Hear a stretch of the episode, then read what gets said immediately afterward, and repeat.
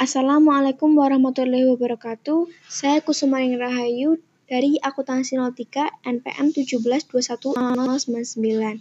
Saya akan menanggapi podcast yang sudah disampaikan oleh Bapak Suharno. Saya setuju kita harus berpikir dan menanamkan kata-kata positif dalam diri kita karena akan menghasilkan tindakan yang positif dan menjadikan kita menjadi lebih baik lagi. Kata-kata positif mampu memotivasi kita untuk selalu berjuang untuk menggapai impian kita yang akan diraih. Oleh karena itu, kita harus menghindari kata-kata negatif yang akan menghambat untuk menjadi seseorang yang maju menjadi lebih baik. Dan tanamkan pola pikir positif untuk menjadi seseorang yang sukses dan maju di masa depan. Sekian dari saya. Wassalamualaikum warahmatullahi wabarakatuh.